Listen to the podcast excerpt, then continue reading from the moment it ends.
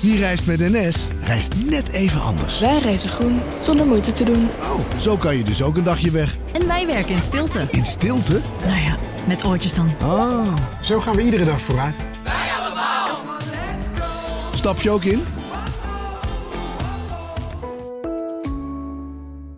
Bij een juridisch conflict kun je het gevoel krijgen dat je in een rollercoaster bent beland. Je wereld staat op zijn kop en je bent de controle even helemaal kwijt. Dan is het fijn als je bent verzekerd bij ARAG. Daar werken topjuristen en advocaten die je begrijpen. Die een stap extra voor je zetten. En je het gevoel van controle teruggeven. Met kennis en informatie, met heldere uitleg en met gericht advies. ARAG, juridisch probleemoplossers.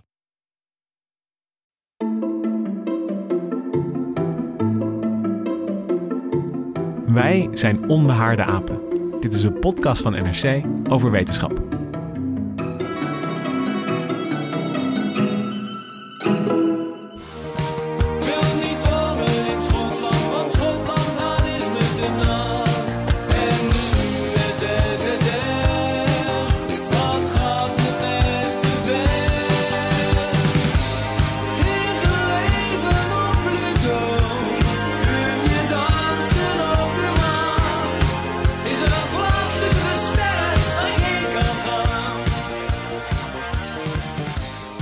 Gaan dromen deze dag. Eh, is er leven op Pluto, zong het goede doel. En, eh, Ik dat, wil weg uit Nederland, zingt hij ook. ja, dat zie ik ook. Het is een escapistische bijeenkomst vandaag. Ja, maar dus met, met die, eh, ja, die, grote vraag eronder. eh, is er ergens anders een leven? En, en toch, hoe zou dat eruit zien? Weet je wel, die, die, die drang om naar buiten te kijken en te fantaseren over eh, wat er allemaal mogelijk is in dit grote universum van ons. Dat is van alle tijden. En dat gaan we vandaag ook doen. We gaan ons buigen over de vraag. Is er uh, buiten aards leven? En, en dat vinden we, uh, nou ja, daar, daar hebben we zo onze gedachten over. Maar interessanter misschien nog, hoe vind je het dan? Hoe pak je dat aan? Hoe ga je op zoek naar iets dat leeft in uh, die grote uh, leegte die ons universum vooral is. Daarvoor zit vandaag aan tafel Hendrik Spiering. Hallo. En uh, Eddie Echternach is weer terug. Ja, daar ben ik weer. Dag. Hoi, we hebben jou voor het eerst gehoord in de aflevering over uh, Planeet X, een paar weken geleden. En uh, jij schrijft voor NRC over astronomie.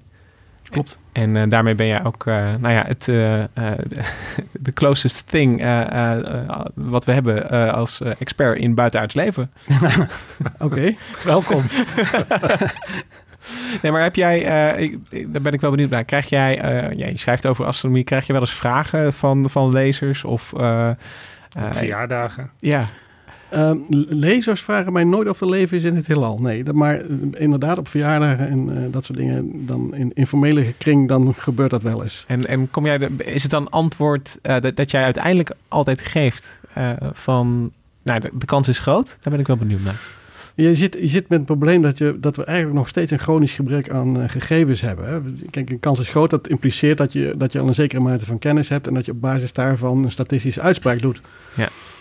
Um, maar zover zijn we nog Maar dat niet. is het toch wel? Nou, heel... we, hebben een, we hebben het experiment aarde. Precies. Hete planeet, bubbel, bubbel, hoop lava. 2 miljoen, 200 miljoen jaar wachten. Ja, er is leven. Dat is een statistiek over één. Je kunt natuurlijk best wel zeggen dat, dat uh, we van de aarde in ieder geval weten dat het, maar daar weet Lucas waarschijnlijk meer van dan ik, uh, dat het ontstaan van leven, dat dat A behoorlijk snel ging naar, naar, naar geologische uh, begrippen. Uh, en B, dat het een behoorlijk complex proces is geweest. De verleiding is groot om er uh, meteen midden in te duiken, zoals we nu al een, een beetje deden. Uh, we gaan het toch een beetje structuur geven vandaag. Eerst gaan we het hebben over nou ja, de kans op leven binnen ons zonnestelsel. En dan gaan we de andere vraag stellen, de kans op leven buiten ons zonnestelsel. Want dat zijn twee hele andere zoekterreinen. maar om helemaal te beginnen, en dat raakt aan wat jij net vertelde, Eddie. Ik bedoel, die, die vraag is van, van, kun je dat enige statistische onderbouwing geven? Nou, er is natuurlijk een astronoom uh, geweest die dat heeft geprobeerd. En dat was Frank Drake. Frank, you've been at this forever, sometimes uh, attracting... Not, not quite. Well, I'm sorry? not, qu not quite forever. Not quite forever, but, but very early on from 50, 19... 55 years. 55 years, that's Yes. like forever. Um, why, uh, let me start with you. Why, why did you start doing this? You, in 1960, you started searching for this thing. What, what prompted you on this quest? Well, I started on this quest at the age of eight, actually, when Okay. my father told me that uh, elsewhere in space there were places like the Earth. And that just fascinated me then, and it fascinates me now. What are those creatures like? How do they live? Uh, what do they enjoy? What are their cultures? What are their governments? All of that. And of course, I couldn't imagine them being much different from us, although they probably are. And I had to wait until uh, about 1958 when I was studying radio astronomy to realize that we had a way to find them, which was to use radio telescopes to detect their radio signals. And so then I started the first search for the first modern search for extraterrestrial intelligent radio signals, and I've been at it ever since. So initially, people were not taking you seriously, or there was, you know, skepticism around the idea. There was a lot of skepticism because uh, it was felt um, mistakenly that the creatures would be perhaps like us, and that seemed impossible in many places. And in particular, we knew of no other planetary systems. We thought the solar system was perhaps unique, and no other planetary systems, no creatures, no radio, radio transmitters. And so people were very dubious that there was something to be found out there. But the universe is uh, very inventive and opportunistic. Anything that can happen does happen in the universe. And we're the prime example. We are really weird. You know? Mhm. We're so complex. Speak for yourself, Frank. Ja, Hendrik, wie? eh, Frank Drake. Nou, het is in ieder geval een man, een man naar mijn hart die dan gelijk zegt... eh, nee hoor, dus ik ben helemaal niet mijn hele leven er al mee bezig. En dan die vrouw, die dan, de interviewster, die dan toch zegt... oh, toch al 55 jaar? Oké, 55 jaar. Hij is inmiddels 88. Dit is al een oud, eh, oude opname. En hij is echt de man van eh, het buitenaards leven onderzoek. Eh, je kunt dus zeggen, ze hebben nog steeds niks gevonden. Hij is in 58 begonnen met het idee dat je de radio-uitzendingen van andere eh, beschavingen kon, eh, kon horen. Maar ja, we hebben nog nooit iets gevonden. En daar is dus ook het SETI, dat is zo'n organisatie die ooit door de Amerikaanse overheid werd betaald en nu met giften op in stand wordt gehouden. Want de Amerikaanse overheid is er niet meer zo in geïnteresseerd. Ik was er wel in eh, geïnteresseerd. Ik weet nog dat ik in de eh, jaren 90 kon je een screensaver eh, downloaden. Dat bestaat nog steeds volgens Oh, mij. dat bestaat Ja. nog steeds. Nou, ik, ik deed dat dus met, met kostbare... Dat kostte toen allemaal nog gewoon harde guldens elke minuut op internet. En stiekem kon ik dan pakketjes downloaden. En die, de screensaver ging die dan analyseren. En dan zag je allemaal van die, inderdaad, van die radioblokjes verschijnen. En dan hielp je een beetje mee met de zoektocht naar buitenaards leven. Maar het feit dat we nog niks gevonden hebben, dus niet eh, zeg maar een eh, radio, een, een podcast van, eh, van, ja, van Proxima Centauri of welke willekeurige ster in de buurt er is. Er wordt altijd, er is een heel mooi beeld van, als je dat dan zegt tegen astronomen, ik weet niet of Drake dat zegt, ik denk dat hij dat ook zal zeggen. Dat is, ja, waarom hebben we nog niks gevonden? Ja, we kijken over een oceaan.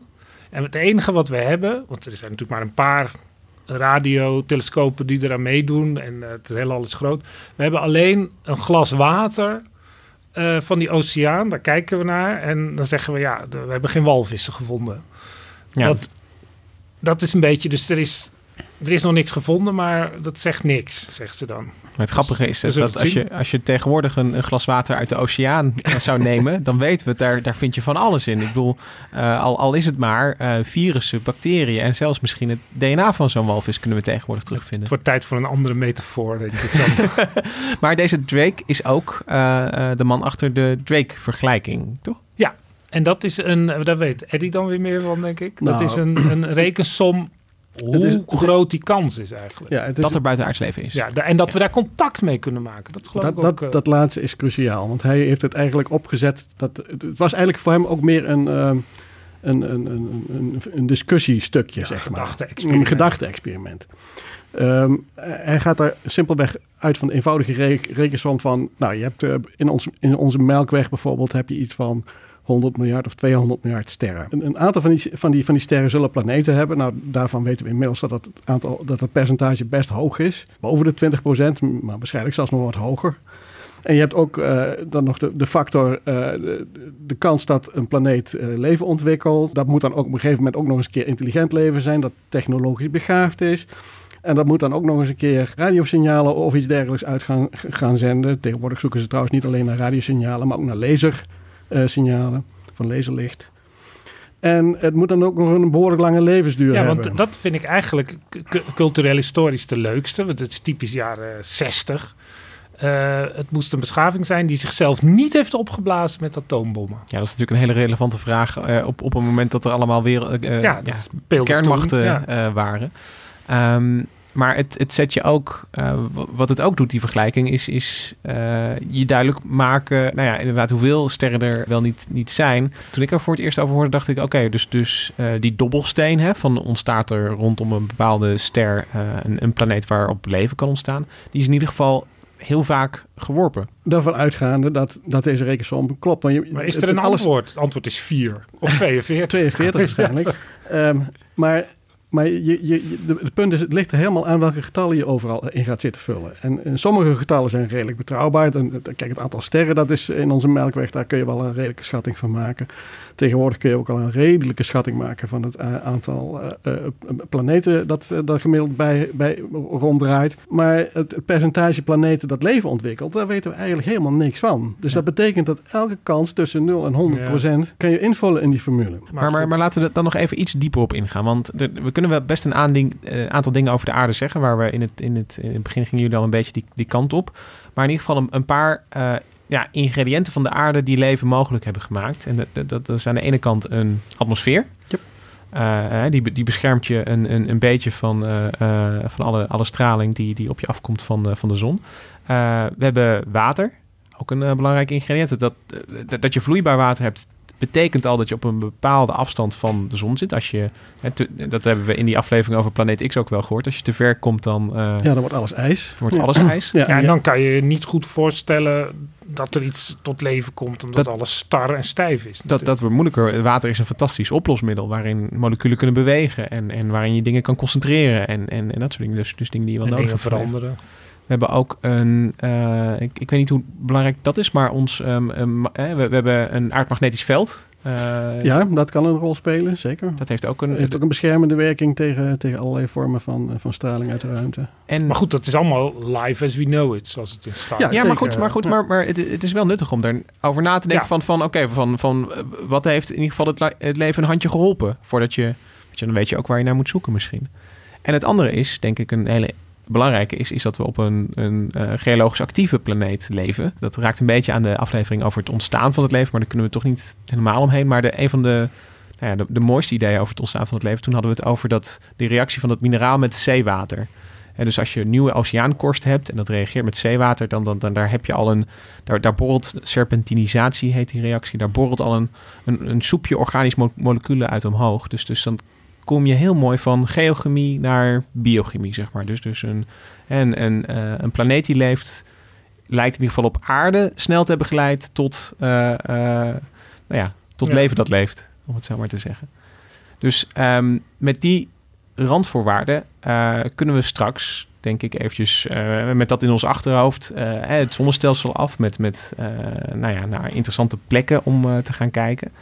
Ehm, en misschien is het ook nog goed om even het, het, het, leven te definiëren. Want, want Drake die dacht dus na over intelligent leven, dat contact kan maken. Ik bedoel, dan ja, is de... dat, dat is natuurlijk, dat is natuurlijk een, wat jij zei net, ja, heel veel dingen is een enorme gok van oh, wat, wat is de kans op leven. En ja, stel dat er leven is, we hebben op aarde een experiment laten draaien, wat eh, nu al eh, 4 miljard jaar draait, eh, iets minder misschien. En pas aan het allerlaatste stukje, toevallig het stukje waar wij in zitten, denk ik dan, maar dat, dat is maar een paar miljoen jaar geleden hooguit dat er hier een beetje intelligent leven is eh, ontstaan. En maar eh, er is maar 80 jaar eh, leven hier dat radiosignalen de, de, ja, het heelal instuurt. Ja, en dat vind ik dan, want ik, ik denk dan altijd aan de, die grote dinosauriërs die een enorme variatie in levenssoorten hadden. En ja, tot nu toe is er geen enkele aanwijzing dat zij een soort intelligentie hebben ontwikkeld met taal of, of wat dan ook, techniek, wat wij zouden kunnen herkennen. Nee, dus dan... En daar hebben ze een kans gehad, want ze hebben miljoenen, de honderden miljoenen jaren de kans voor gehad. Ja, dus st- stel je hebt een, een Ze planeet... hebben ons laten zitten. What did the dinosaurs ever do for us? Ja. ja. Dus, maar stel Dat je hebt dus een, kleiner een, een, planeet in de buurt die heel erg lekker draait. En, dus, Overal bacteriën. en, en nou ja, dinosaurusachtig leven. Ja. Maar dat gaat er miljoenen jaren door en, en ze laten niks van zich horen eigenlijk. Dat is eigenlijk je kritiek. Ja. Nee, maar dat, dat is een fair punt. Maar, maar dat, dat is dus de grens die, die Drake stelde. Ook met, de- denk ik dan, de, de manier waarop hij zocht. Want hij zocht, eh, ja... Hij zocht naar radio. Naar radiosignalen. Ja. Naar contact. Ja. En dat is hetzelfde met, met die lasersignalen die jij noemt. Nou ja, die radiosignalen waren in zijn tijd eh, de meest eh, geavanceerde eh, manier van communiceren over, over dit soort kosmische afstanden natuurlijk. Eh, later zijn daar inderdaad die, die laserbundels bijgekomen. Maar het, het blijft natuurlijk zoeken naar, een, een, naar eh, misschien wel heel weinig spel in een hele, hele, hele grote hooiberg. Nou, de kans dat je iets vindt is gewoon niet zo groot. De kans is niet Maar- groot, nee. En dat, dan weet je nog niet of het niet bestaat. Want ja, Nee. we zijn. Want als een beschaving miljoenen jaren bestaat, wat in theorie best kan. Ja, wij bestaan nog maar zo kort. Dus er moet net op de goede manier, het moet net onze kant op komen. Het, het, het, alles wat, wat, wat ver weg is, dat, dat, dat, dat duurt gewoon lang voordat het hier is. Maar, maar je zou wel kunnen z- eh, zeggen dat je je net wat eh, breder uitwerpt. En, en dat je ook al ehm, ja, heel tevreden bent misschien met een, een, eh, planeet met nou ja, wa- een bacterieel-achtig Ja. leven zou zijn. Weet je, micro-organismen die, eh, die, die vrolijk eh, de ene soort moleculen omzetten in de andere en, en heel driftig bezig zijn. Nou ja, ik, ik denk dat dat... eh, Ik, ik denk dat dat al een, eh, een, een spectaculaire ontdekking zou zijn. Ik denk dat je heel realistisch moet zijn. Ik denk dat de kans dat je eh, eh, op enig moment, misschien wel in onze eigen zonnestelsel of bij een van de, na- een van de nabije sterren, als je daar aanwijzingen vindt voor, voor eh, bacteriologisch of eh, microbiologisch eh, leven, dan is, dat, is dat denk ik ehm, al sensationeel genoeg. Ja, dat is een revolutie. Dat, is een wetenschappelijke ja, doorbraak van ja, de precies. orde natuurlijk. Dus, dus als, als je het begrip leven heel breed interpreteert, dan denk ik best dat er een kans is dat we dat op, op, op binnen afzienbare tijd gaan, eh, gaan, gaan vinden. Ja. Daarom gaan we eerst op zoek binnen ons eigen eh, zonnestelsel naar leven. En dat is ook eh, al gedaan. We gaan ehm, ja, een beetje op, op ruimte safari. Eh, door eh, langs interessante plekken en planeten. Met, eh, waar, waar in ieder geval de voortekenen voor leven gunstiger lijken dan op andere plekken.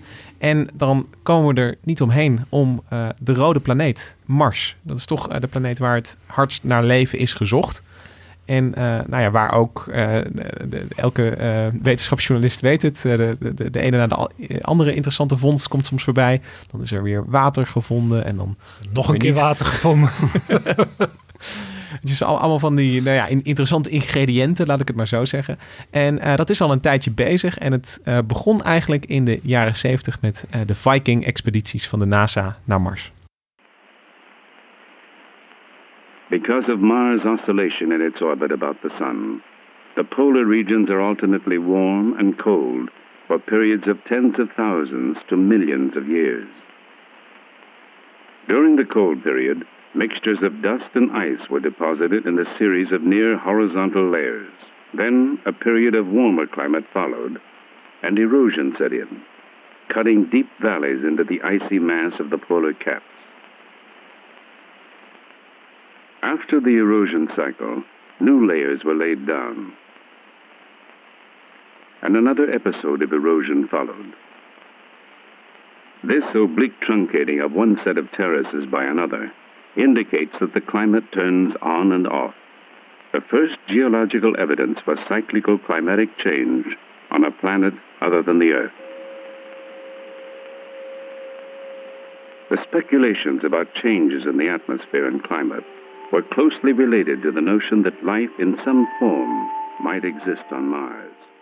Nou, veel erosie. Veel erosie. Op Mars. Heel veel erosie. Kunnen we wel concluderen. Dit, zijn, eh, dit is een fragment uit een eh, NASA-documentaire. En, eh, ja, uit 79. En je hoort hier de oude stem van de wetenschap. Zelfverzekerd, helder, ja, en beetje saai. met een duidelijke boodschap. Ja. eh, dat- dat Mars Erosie. een veranderlijke eh, eh, planeet is.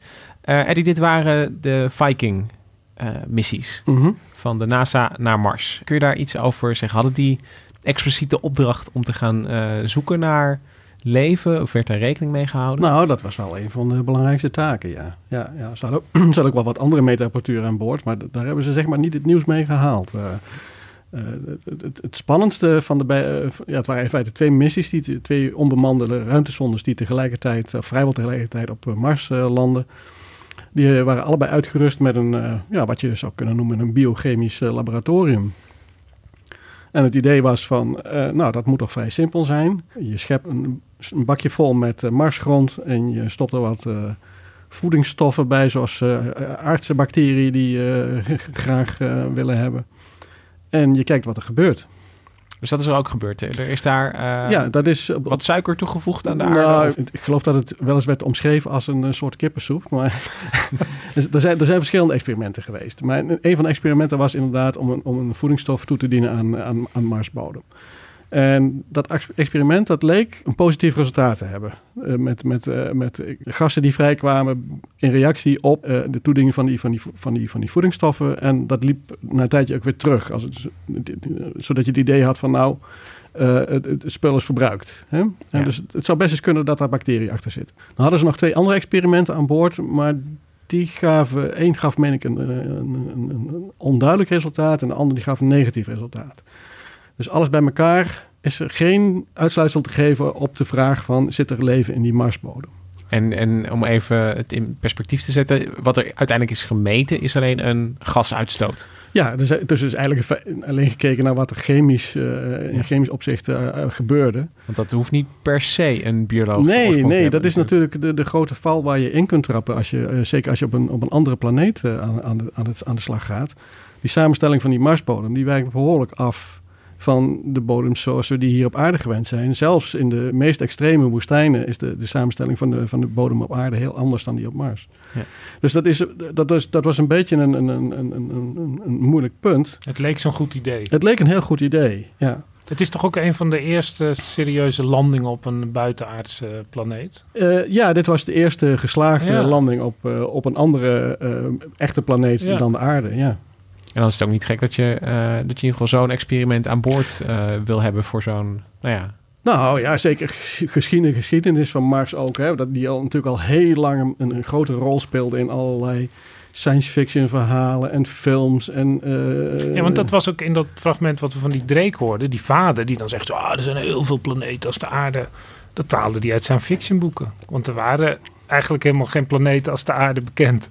Nou ja, het dichtst, wat, Mars komt het dichtst bij nog steeds, toch? Wat we, eh, want wat, ik- eh, daar kun jij misschien iets over zeggen, Eddie. Het gaat vaak als het over ehm, exoplaneten gaat, dus, dus planeten buiten ons zonnestelsel, dan worden die altijd aardeachtig eh, genoemd. Maar het, het- de meest aardeachtige planeet die we kennen is toch Mars. Ja, zeker. Binnen ons, binnen ons zonnestelsel is Mars het meest, ja, meest logische vergelijkingspunt, zeg maar. Ja. Maar je moet eigenlijk, je moet wel, ehm, je, je, die, die verhalen over het leven, het leven op andere planeten in ons zonnestelsel, die gaan eigenlijk al veel langer, terug dan, eh, zeg maar, onze, onze moderne tijd. Je ziet al, je ziet al eh, in de, in de, in de renaissance schrijft bijvoorbeeld ook iemand als, als eh, Christian Huygens, onze bekende nationale geleerde. Die schreef al een boek eh, over, eh, over het zonnestelsel, waarin hij eh, op ongeveer elke planeet leven zag, eh, compleet met beschrijving hoe dat leven er dan zou, uit, zou, en- uit zou en moeten zien. Iets eerder Giordano Bruno. Ja. Bruni, Bruno. Bruno, ja. Die is ervoor verbrand. Die had ook, uh, had die over. beschouwd. Ja, hij had ook verkeerde ideeën over de drie-eenheid. Daar is hij volgens mij voor verbrand. Maar hij was ook bekend omdat hij zei... er zijn allemaal planeten met beschavingen als hier. Dus in de 16e eeuw ging je nog de brandstapel op voor je ja, science fiction. 1603 of nou, rond 1600 in Oh, ja. ieder geval. Dus die ideeën die gaan al heel lang terug. Dus het is niet, niet iets van, van, van, van vandaag of gisteren, zeg maar. Nee. En ehm, het is ook op zich... Kijk, vroeger gebeurde dat een beetje vanuit de gedachte van... Ja, maar ervan uitgaande dat, dat, dat het heelal geschapen is door een, door, door een god... dan zal hij toch niet eh, allerlei zinloze planeten... eh, nee, over- want je krijgt dan de vraag... Het is Christus beetje- ook ja. gestorven voor die mensen op die andere planeten? Dat is een beetje buiten de orde van deze uitzending. Maar theologisch verdomd interessant. Maar het, het, het ruikt natuurlijk een beetje naar verspilling als je dat als Ja, Cal- dat is- Calvinist zo ja, bekijkt. Precies. Zo. Als, je- als je, als je een Calv- Calvinistisch wereldbeeld erop loslaat, dan is het inderdaad een beetje idioot om een, een compleet heelal te schapen en, eh, scheppen en dan vervolgens eh, daar niks mee te doen. Nee. Ja, dus vanuit die optiek is het eigenlijk ook wel weer een beetje logisch. Ja. Tegenwoordig kijken we daar een beetje anders tegenaan en dan wordt er onmiddellijk gekeken van... eh, eh, kunnen we iets vinden dat op zijn minst lijkt op het leven zoals wij dat kennen. En dat, Ja. ja. dat is natuurlijk een heel ander verhaal. Maar nu, eh, om het even terug naar Mars te brengen, zijn er, ehm, nou ja, wat heeft Mars dat eh, de, de kansen vergroot dat er, dat er ooit leven was of dat er eh, misschien zelfs nog leven is? Want ik zei het net even grappend dat er om, om de zoveel tijd krijg je een nieuwtje dat er water is gevonden op Mars. Ehm, hoe, hoe, hoe zit het nou, nog, nog één keer voor eens en altijd, hoe zit het nou precies, Eddie, met dat water? Is er nou wel of niet water op Mars? er, is, er is zeker water op Mars. Eh, sterker nog, ik denk dat je in het zonne- zonnestelsel bijna geen plek zult vinden waar geen water is. Maar ehm, als je naar de landschappen op Mars kijkt, dan eh, staat er dus paal boven water dat eh, daar veel water heeft gestroomd. Maar we weten ook dat het lang geleden moet zijn geweest, omdat het allemaal eh, oude, oude landschappen zijn, eh, voor zover we kunnen nagaan. Dus het, het, het idee is dat het ongeveer de eerste miljard jaar van het, in het bestaan van Mars is geweest dat er, eh, dat er eh, behoorlijke hoeveelheden water op het oppervlak zijn geweest. Vloeibaar water. Dus eigenlijk, en, en, en dat zie je dan terug aan, aan kloven en, en, en dat soort eh, eh, landschaps Ja. elementen die wijzen Ja. op stromend water. Ja. Sedimenten in een meer. Ja, droog, drooggevallen rivierbeddingen en noem maar op. Hè? Dus Ja. het, dat, dat is er in principe allemaal. En er zijn ook nog restanten van water. Die zitten in de bodem, tegenwoordig in de vorm van ijs, omdat de planeet in- inmiddels veel kouder is geworden. Dus op zich is het idee dat je gaat nadenken over de mogelijkheid dat er leven is geweest, is, he- is helemaal niet zo gek.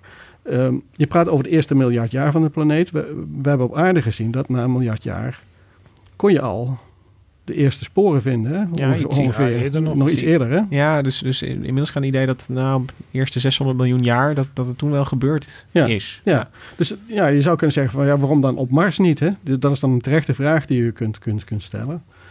Ehm, of dat nu nog steeds zo is, dat is natuurlijk weer een heel ander verhaal. Want sinds die eh, eerste miljard jaar is, is de planeet in klimatologisch opzicht enorm veranderd.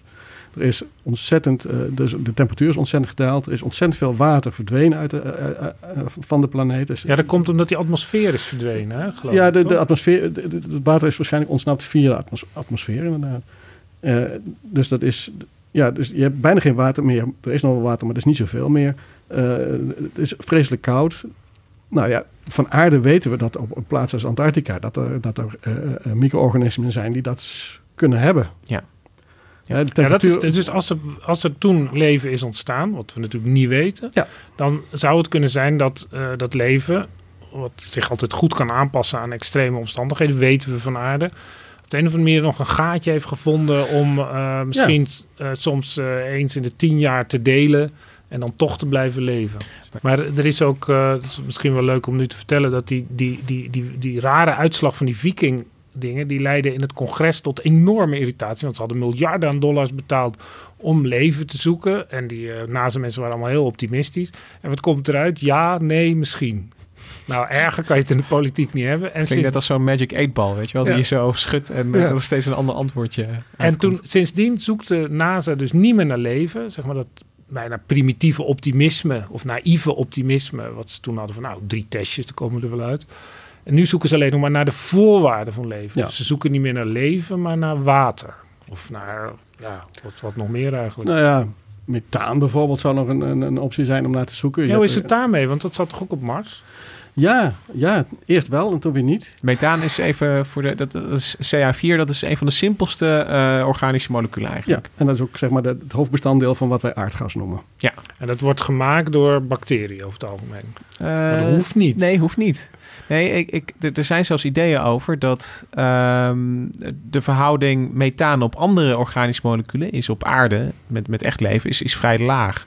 Dus eh, als je ergens anders eh, juist heel veel methaan vindt en weinig andere organische moleculen, dan, eh, dan is dat, kan dat juist een Maar ja, contra-indicatie dat, zijn. dat raadsel van dat Marsmethaan was volgens mij dat het, het, het werd gemeten en toen weer niet. En toen weer wel. Dus Ja, er zat een leek soort een- seizoensinvloed Er leek in. een soort eh, seizoenscyclus in te zitten, inderdaad. Maar eh, eigenlijk zijn dat soort metingen nauwelijks reproduceerbaar gebleken. En eh, sterker nog, eh, de, de, de metingen die de afgelopen eh, anderhalf jaar zo'n beetje zijn gedaan met de Europese Marszonde Tracecast Orbiter, die om, eh, om de planeet eh, cirkelt. Die was nou notabene uitgerust speciaal voor dat doel met een uiterst gevoelige eh, methaandetector. Eh, en die heeft eh, eigenlijk tot nu toe eh, niks gevonden. Ongelooflijk. En als ik nog even op eh, mijn eigen stokpaardje ga zitten en dan gaan we door naar de volgende planeet. Maar eh, ik, ik kreeg nogal aan die geologische activiteit op aarde. Hè? Dus, dus dat er voortdurend nieuwe aardkorst en oceaanbodem gevo- gevormd wordt. Ja. Dat hebben we op Mars ook niet. Nee, nee. Oké. Oké, we vinken af. Ja, Mars. Mwah. Nou, de kans, kans is niet nul dat het er geweest is. En dat het er nog is, lijkt me vrijwel nul. Maar Oké. Oké. En dan gaan we naar eh, de andere buur. Want we hebben, eh, dat is het fijne van in het midden van het zonnestelsel eh, wonen. Dan heb je twee buren om je heen. We gaan naar Venus. Venus, Earth's evil twin. It's clouds made of battery acid. At 900 degrees, its surface hot enough to melt lead. Venus is pretty much uh, like the, the, the biblical vision of hell today. This may be the most hostile real estate in the solar system. Yet billions of years ago, Venus looked a lot like Earth. But too near the sun, Venus was doomed. Earth blossomed. Venus burned. Zijn in een, Een heel ander soort wetenschapscommunicatie terechtgekomen. 30 dan jaar later. Ja. En, en de, de toon is, is eh, behoorlijk veranderd. Dit was uit een documentaire van eh, National Geographic. En eh, nou ja, Eddie, eh, eh, dichter bij de hel komen we niet dan Venus, als we deze eh, ronkende stem mogen geloven. Ja, nee, eh, dat, dat, dat klopt ook wel zo ongeveer. Ja. Het is een, het is, het is een, het is een, een drama van een planeet geworden. Eh, maar ook daar zijn de aanwijzingen dat het vroeger niet zo was. Dat je vroeger, eh, zeg maar ook ruwweg de eerste miljard jaar, daar een redelijk aangenaam klimaat eh, hebt, eh, hebt gehad op, op de planeet. Net zo ongeveer als, als op Mars. Hè? En, en hoe weten we dat? Is, is dat Nou, dat- geologisch onderzoek geweest? Nee, want zo goed is Venus niet onderzocht, zeker, zeker de bodem niet. Maar gezien de grootte van de, plane- van de planeet kun je ervan uitgaan dat hij eh, veel langer eh, eh, eh, warm is gebleven van binnen. Dat hij veel meer aardeachtige geschiedenis heeft gehad dan Mars, zeg maar. Ja. Is er ook, zijn er ook aanwijzingen dat er, dat er ooit water heeft gestroomd op Venus? Of Nou, nee, dat nog niet zo concreet, dacht ik. Je ziet daar wel, eh, er zijn wel wat hoogte, je ziet wel hoogteverschillen, maar of je die nou specifiek aan, aan, aan water zou kunnen eh, toeschrijven, denk ik niet. Nee, dat, dat, dat, weet ik eigenlijk niet. Maar, Nee, maar Venus is ook heel slecht probleem. Het, het probleem is ook dat we van Venus kun je van de, van de buitenkant eigenlijk niks aan zien omdat de de planeet ontzettend dichte atmosfeer heeft. En eh, die, is, die bestaat voor een groot deel uit eh, eh, CO2. Wat we, het, het ber- beruchte broeikaseffect wat ook op aarde een, een, klimaatverandering aan, aan het veroorzaken lijkt te zijn. Nou goed, ehm, dat, dat betekent dus dat je alles wat je aan Venus onderzoekt, dat kun je doen door, eh, moet je doen door ofwel er een, eh, een, een landingsmodule eh, op neer te laten dalen, ofwel door van buitenaf met bijvoorbeeld radarapparatuur door de wolken heen te kijken, als het ware. Maar het goede nieuws is dat Venus zijn atmosfeer in ieder geval nog behouden heeft. Venus heeft, eh, zegt dat, Venus heeft de atmosfeer meer dan behouden. En, eh, Dat is nu het dat, probleem. dat, is, dat is nu ook het probleem geworden, omdat eh, je hebt daardoor een extreem sterk eh, broeikaseffect. Bovendien staat Venus natuurlijk ook nog veel dichter bij de, bij de zon dan, eh, dan Mars. Ehm, dus je hebt de, de temperaturen daar zijn gigantisch eh, hoog eh, opgelopen. Je zit daar nu tegen zo rond de 900 graden Celsius. Dus dat is... Dus kun je, dat, dan verbrand je brood. Ja, maar dat geldt niet voor de hele planeet. Het gaat wel voor het oppervlak. Maar naarmate je hoger in de atmosfeer komt, eh, kom je in lagen terecht waar eh, de temperatuur veel gematigder is. Dus je hebt eh, op, op, zelfs op Venus heb je op, op 50 kilometer hoogte wolken waar nou, een beetje min of meer aardeachtige omstandigheden heersen als het om temperatuur gaat. Lekker zonnetje. Ja, eh, je, bent- je, wordt, je wordt lekker opgewarmd van onderen. Dus het is, eh, Maar je, moet- je moet je, je tenen niet te diep in de atmosfeer Nee. steken, want dan... eh, Nee. Maar goed, Nee, daar, maar- Zou, er- daar zou dan leven kunnen ontstaan. Nou, wolken of Ja, zo. dat, ja het, het zijn s- hele sterke speculaties. Niet meer dan dat natuurlijk. Ontstaan Eh, in de wolken lijkt me moeilijk, omdat je... Ja, eh, Ja, je moet toch vloeibaar water hebben? Nou- natuurlijk. nou ja, dat is het, maar dan heel klein. als je, als je eventjes, en eh, dat komt een beetje bij de vraag wat leven is, maar je moet op een gegeven moment moet je, je, eh, je moet toch een stofwisseling op gang krijgen en je moet dus eh, ja, moleculen kunnen concentreren. En, en dat is in, in de lucht, in de atmosfeer, zijn er geen fysische structuren die je daarbij kunnen helpen. Du- dus het, het, het wordt nogal, ja, het wordt misschien rond condensatiekernen of zo, zou je iets kunnen Nou bedenken. het, het idee zou kunnen, wat er gebeurd zou kunnen zijn, is bijvoorbeeld op het moment dat het klimaat begint te ontsporen op Venus, eh, dat, dat eh, eh, organismen vanzelf, bij wijze van spreken, vanzelf zijn gemigreerd naar, naar hogere lagen in de, in de dampkring. Want ook als je hier op aarde monsters neemt van, van wolken bijvoorbeeld, of van- neerslag uit wolken, dan vind je daar ook micro-organismen in terug. Ja.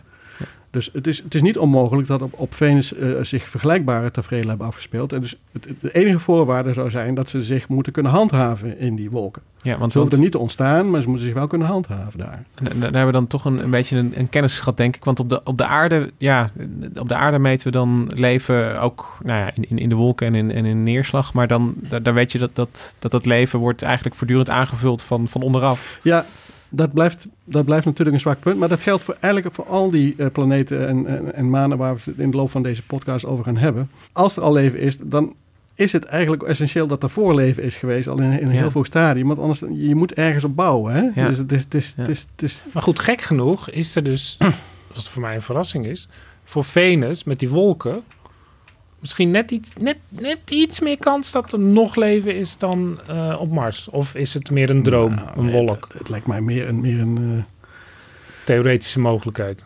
eh, ja, ja, ja. Een proefballonnetje zou ik haast willen zeggen. Maar even, eh, wat, wat ik ook wel interessant vind aan je verhaal is dat als je, eh, stel je gaat eh, naar het jonge zonnestelsel kijken, hè, het, is, het is 500 miljoen jaar oud, dan zie je daar eh, nou ja, allemaal jonge planeetjes. Ze zien er allemaal fris uit en eh, ze, ze hebben er zin in. Je ziet Venus, Aarde en, en Mars na- naast elkaar. Dan zouden het in principe drie goede kandidaten zijn om leven te laten ontstaan. Dan had je Ja. de winnaar misschien niet per se direct er kunnen aanwijzen. Ehm, nou, Nou, we hebben de maan, hè? Ja, de, de maan het zou bij ons een fa- belangrijke factor kunnen zijn geweest, maar dat weet je ook niet a priori. Nee, hè? Dus- stabilisatie van de aardas, eh, Ja. wegvangen van eh, meteorieten. Misschien is, is Venus geologisch actief om maar even op mijn eigen stokpaardje te gaan zitten. Op dit moment ook niet helemaal zeker. Het lijkt erop van niet. Maar het, het lijkt ook wel vulkanische activiteit zijn, vrij recent te zijn geweest. Niet, zo, niet miljarden jaren geleden, maar eerder miljoenen jaren geleden. Oké. Eh, maar het is, het is niet een planeet waar in dit opzicht nou eh, nog heel erg veel gebeurt. Over, of de tectoniek is geweest, daar zijn de geleerden het volgens mij nog steeds niet over eens. Dus ik vink af, Venus, vergeet het maar. Nou, het lijkt me niet heel, heel, heel onwaarschijnlijk, ja. Nou, dan hebben we verder nog. eh, ehm, ja, we, we hebben Mercurius nog, maar daar zullen we niet te lang bij Nee. stilstaan. Dat is, dat is zo'n. eh, als, als, als Venus al een hels bolletje wordt gezien, dan, dan is Mercurius helemaal. eh, nou ja, Venus, eh, eh, kijk, Venus daar heb je tenminste nog een voordeel van. eh, die, die is als geheel een hel. En Mercurius is eh, voortdurend voor de helft een hel. En voor de andere helft is het een, eh, een enorme een, een, ijsvlakte. Nou ja, een ijsvlakte is niet het goede woord, maar dan is die gewoon ijskoud.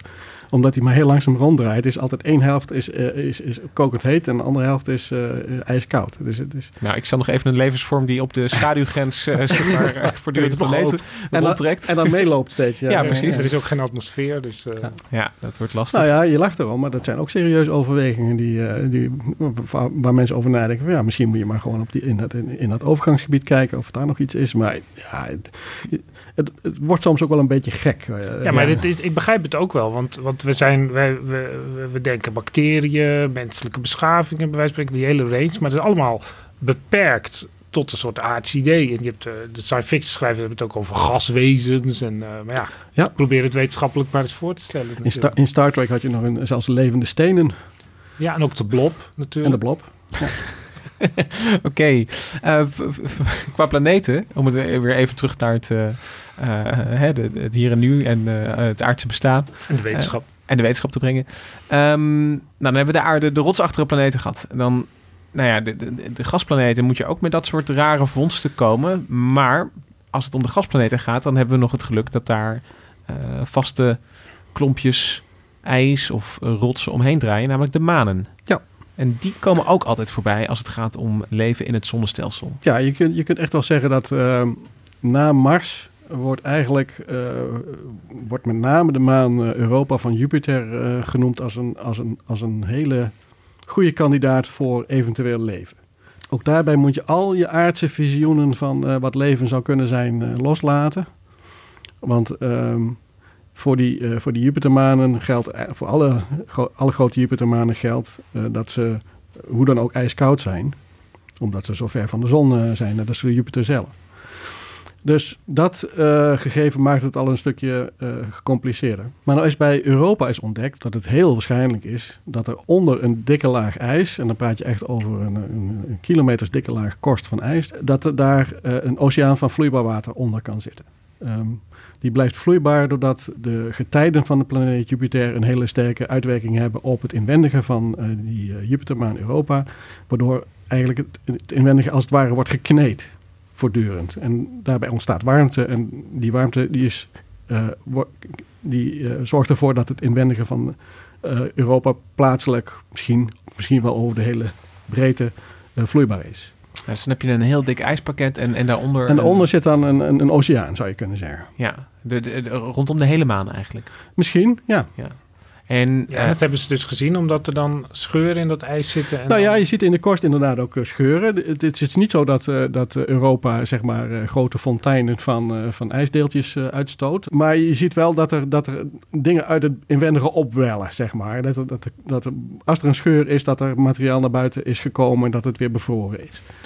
Dus, je- hebt een... eh, eh, en, en de temperatuur is dus hoog genoeg voor vloeibaar water. eigenlijk. Nou, kat dus- en bakkie. Nou, dus ja, dus, dus in principe eh, eh, is, zou de temperatuur daarbinnen zou ge- geschikt kunnen zijn voor leven. Maar da- da- daarvan moet je dan ook weer zeggen van, is oké, als je nu een, orga- een geschikt organisme zou hebben en je stopt het erin, blijft het in stand? Ja, misschien wel.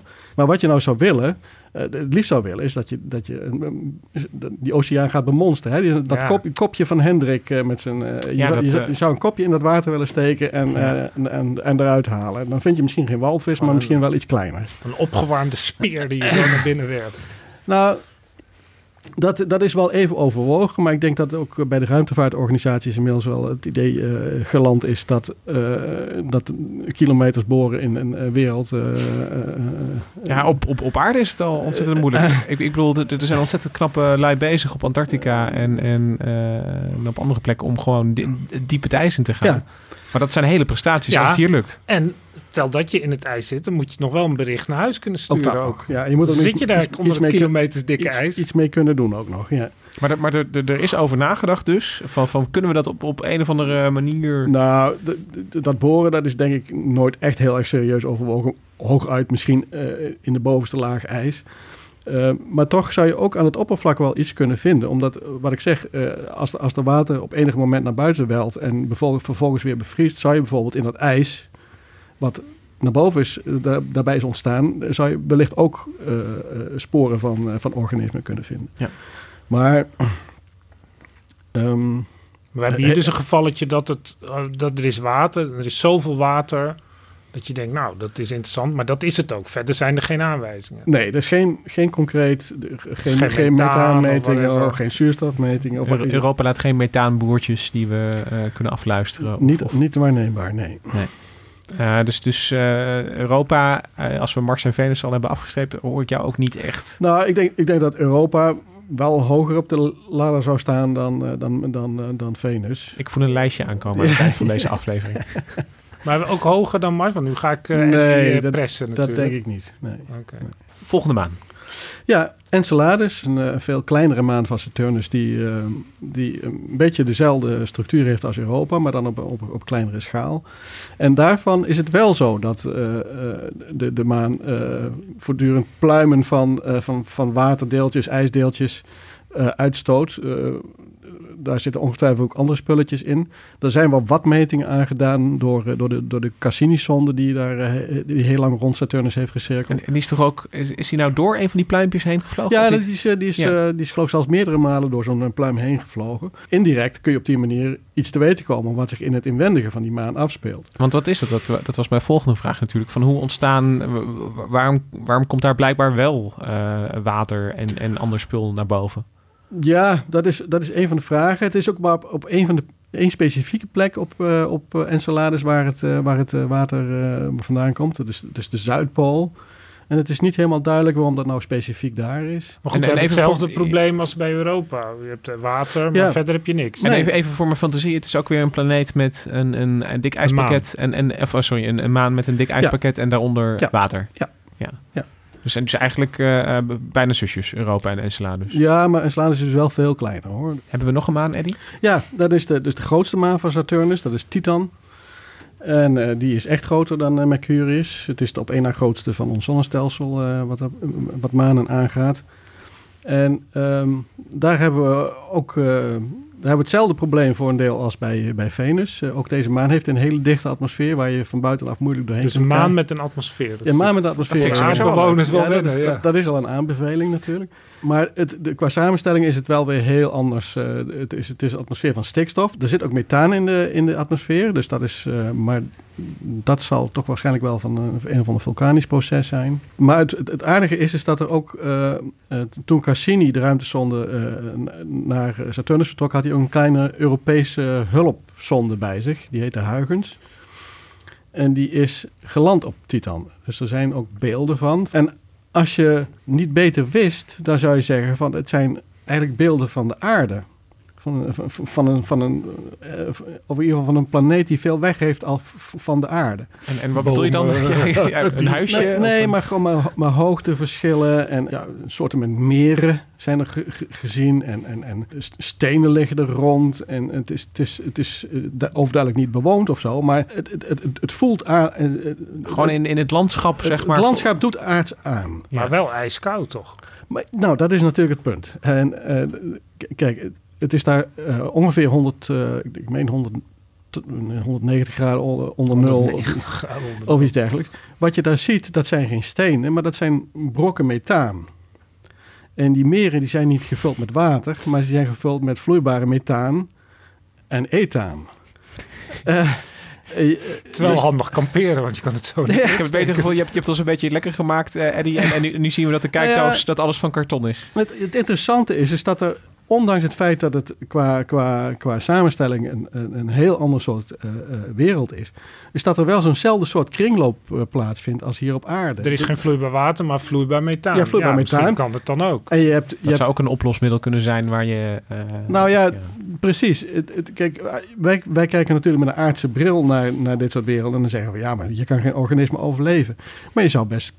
Het is best denkbaar dat er op de een of andere manier... Omdat er toch een methaankringloop is... en dat er duidelijk wel een, eh, enige, enige vorm van warmtetransport is. Een kringloop vind ik, eh, ga ik als bioloog, word ik, ga, ga mijn oren overeind staan. Want dat is inderdaad... Dat, dat, zijn interessante dingen. Ja. Ja. Daar, daar kun je tussen gaan zitten als, als leven. Daar, daar kun je een beetje van... Kun je Ja, en- aftappen. Ja, en de, de- het, eh, wat je uiteindelijk echt wil is, is een, een redoxreactie. Als, ik denk dat mensen Redox? nog- ja, dat mensen weten dat misschien nog wel van de middelbare school scheikunde is. is ehm, er is een definitie van leven van een Hongaar, ik ben zijn naam even vergeten, maar die zegt: eh, Life is nothing but an electron looking for a place to rest. Als je kijkt naar wat het leven doet, is, is steeds eh, elektronen doorgeven aan andere moleculen. En, en daar, nou ja, met de warmte die daarbij vrijkomt, hè, daar, daar, daar kun je uiteindelijk weer dingen mee doen. Dus je bent op zoek naar, nou ja, en, en- en voor een redoxreactie heb je iets nodig dat een elektron geeft. En eentje, een molecuul dat een elektron ontvangt. Ehm, ja, dus- als je eh, een kringloop hebt en een, en een redoxreactie, nou ja, dat, dat, dat, daar heb je bijna al een definitie mee van het aardse leven. Maar nou ga ik eh, toch de vraag stellen. En Eddie, wat denk je? Met deze slagen om de arm, dus van de, de redox-redactie van, van Lucas, eh, zou ik zeggen van dat het misschien wel eens zou kunnen. Maar, Oeh, ja, maar we hebben beet. Even doorduwen nog. ja, nee.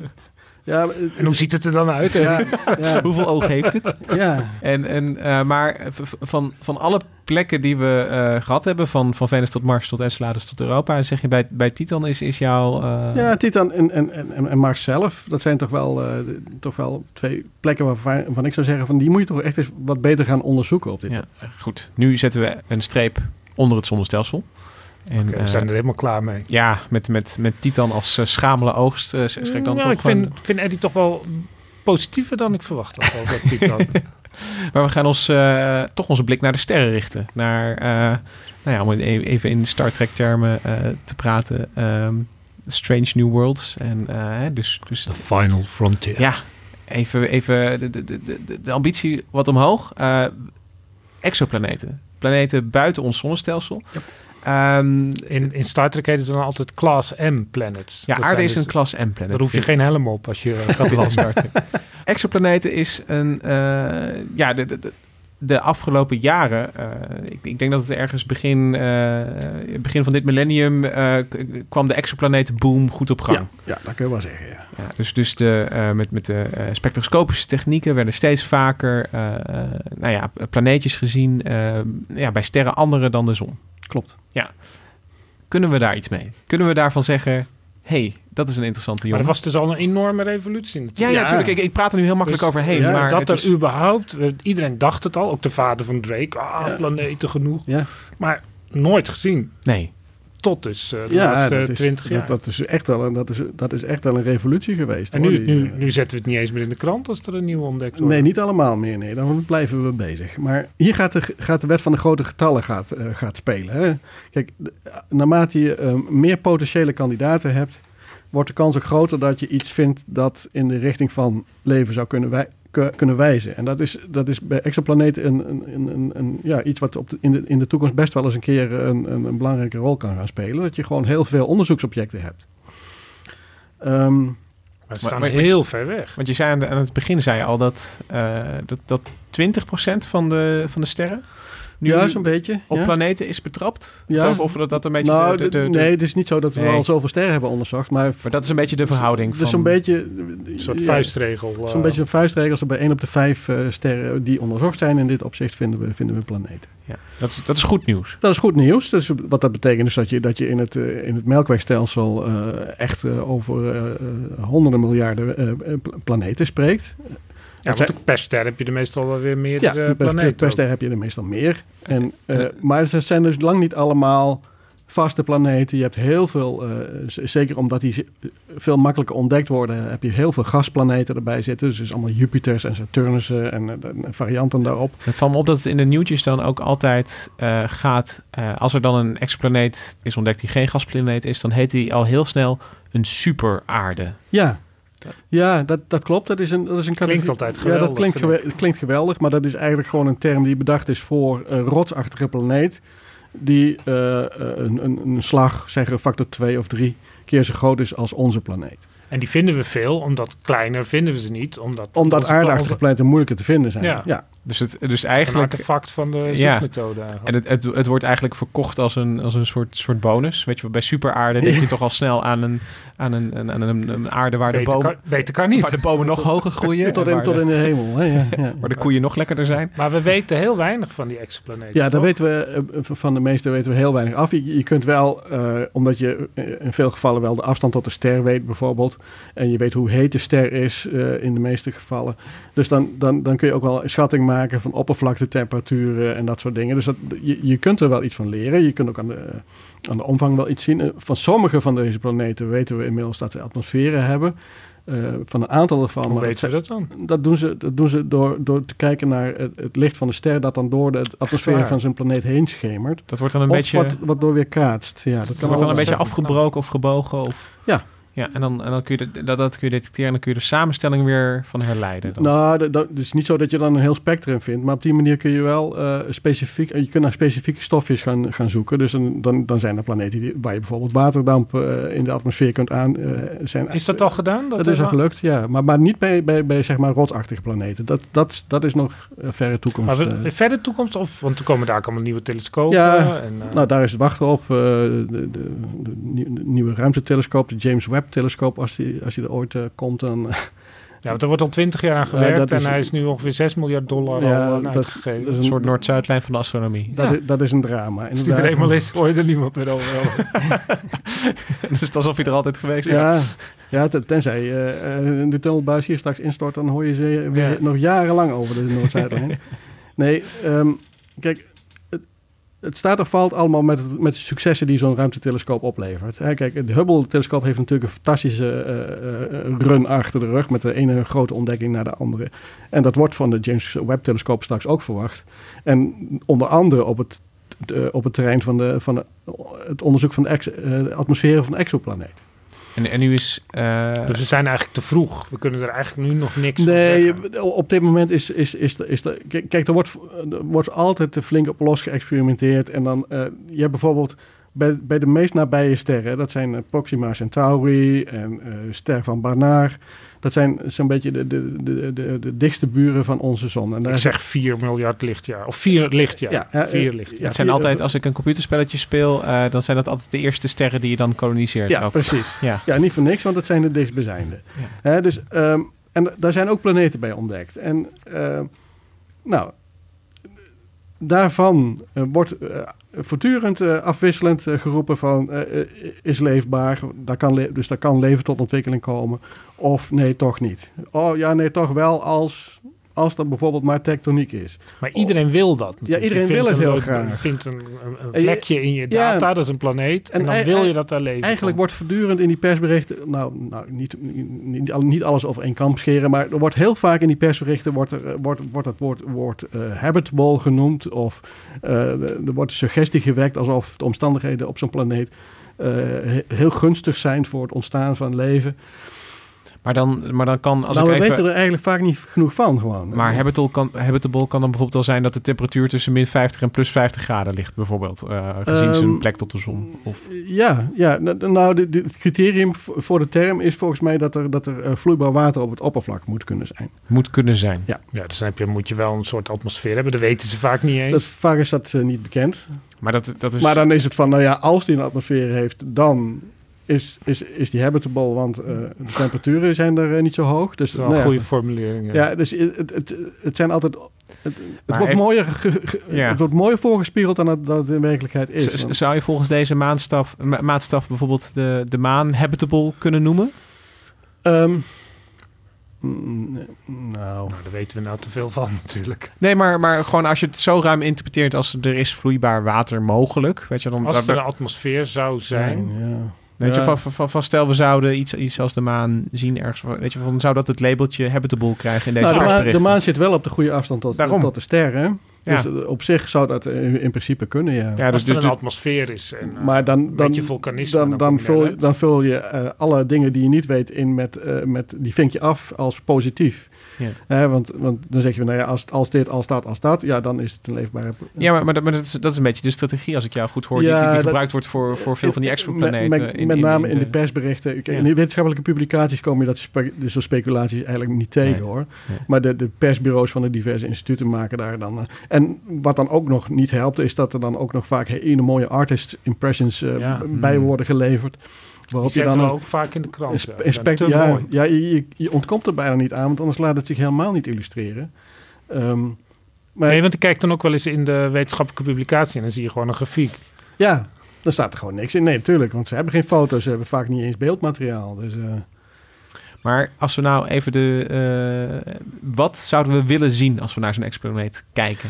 Nou, wat je, zou, waar je op zou kunnen gaan letten is of er iets in die atmosfeer zit wat op leven zou kunnen duiden. En dan is dat met name eh, een, een van de meest voor de hand liggende dingen waar je naar zou kunnen gaan zoeken is zuurstof. Ja. Eh, zuurstof in een atmosfeer, dat betekent dat er, dat er iets... Dat is een weggevertje. Ja, dat is iets, dan is er iets aan de hand. Want, zuurstof, Ja, dat, eh, zuurstof is zo reactief eh, dat, dat dat moet aangevuld worden. Er, er moet iets zijn, eh, weet je, er moet zuurstof bij blijven komen, anders dan, dan reageert het met, eh, met, met andere stoffen.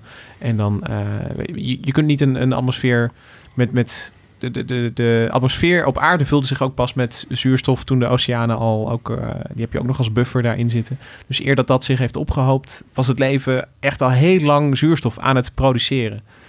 Eh, dus, dus als je zuurstof ziet, dan, dan heb je het leven wel eh, op zijn staart getrapt. Ja, en dat is dan vrije zuurstof, niet als CO2 of zo. Ja, precies. Dus, dus eh, vrije zuurstof in de lucht. Ja. Ja, dus dat is iets waar je, waar je, waar je nou naar zou willen zoeken. Kijk, dus op het moment dat je eh, eh, eh, met bijvoorbeeld een, een, een James, een James Webb Space Telescope of met een van de grote nieuwe telescopen die op aarde worden gebouwd, eh, naar eh, rotsachtige exoplaneten gaat kijken. En je kunt daar eh, op een gegeven moment eh, dingen echt in de atmosfeer gaan, gaan waarnemen. Ja, en dan zie je het, spectroscopisch. het, het dan- licht van de ster door die atmosfeer. En dan heb je zoveel resolutie dat je een soort spectrogram kan dan maken. zou je dan, dat, je, dat, je, dat je in ieder geval een aantal stoffen in die atmosfeer zou kunnen aantonen. Dan, dan wordt het interessant, want dan kun je al heel, heel, heel goed zien van, nou ja, vinden we op veel plaatsen zuurstof bijvoorbeeld. Dat, dat zal een behoorlijke sensationele ontwikkeling Ja, zijn. en dan ik denk nu zuurstof. Dat, ja, dat is nou, vinden wij op aarde interessant. Maar alle elementen in het aardse leven komen overal voor. Dus de, de koolstof, eh, zuurstof, dus nog zo'n paar stoffen. Dat zijn de stoffen die het meest overal voorkomen. Koolstof, zuurstof, waterstof, dat is eigenlijk het allerbelangrijkste. Stikstof ook nog. En dan, dan, heb je het, eh, dan heb je het wel een beetje. Dus dat betekent dat als er elders leven ontstaat, ligt het ook voor de hand dat die van de meest voorkomende stoffen gebruik gaan maken. Ja. Wat het, eh, ehm, als ik jou zo hoor over de wet van de grote getallen, Eddie, dan denk ik ook van. Eh, we kunnen straks waar Drake eh, ja, toch schattingen moest maken voor heel veel van zijn ja, parameters van, van de, de kans op, op leven. Straks, als we genoeg exoplaneten gezien hebben en we hebben ze nauwkeurig genoeg bestudeerd, kunnen we eigenlijk een nieuwe vergelijking van Drake gaan opstellen. Nou, dan kun, je, dan kun je de uitkomst ervan weer iets zekerder maken. En dan, dan, dan, want nu zit je nog met eh, variabelen waar, waar je bijna elk willekeurig getal in kunt vullen. En eh, hoe meer gegevens je hebt, des te nauwkeuriger wordt de uitkomst. Ja, maar dan zitten we alleen nog maar in het begin van de Drake. Want Ja. belangrijk bij die Drake-vergelijking is hoeveel beschavingen Ja, ontstaan er. uiteindelijk. Maar, maar dat is, weet je wel, van, dat, dat willen we natuurlijk graag. Maar ik vind het toch hoopgevend dat je in eh 50 jaar, zeg Ja, maar, is eh, waar. van, van een, een, een heel theoretische berekening, hebben we nu al een, een beetje zicht op eh, hoe sommige van die getallen eh, eh, precies uit gaan vallen. En dat is toch winst in de zoektocht naar buitenaards leven. Is elk klein succesje Ja, is ik er denk dat over 20.000 jaar moeten we wel een oplossing hebben. Ja. Wat denk jij, Eddie? 20.000 jaar? Ja, dat teken ik. Goed, eh, dankjewel Eddie dat je weer eh, bent aangeschoven deze keer. En eh, nou ja, we, hebben het nog niet, maar het komt eraan. Ik denk dat we... Op naar Titan. Op naar Titan. Micha Melita, bedankt voor de productie van deze aflevering. Wij zijn er volgende week weer met een nieuwe aflevering. Vergeet je niet te abonneren in je favoriete podcast app. Dan krijg je voortaan elke aflevering gewoon op bestelling. Nee, niet op bestelling. Je krijgt hem vanzelf in je podcast app. En dan zijn wij er volgende week weer. Tot dan.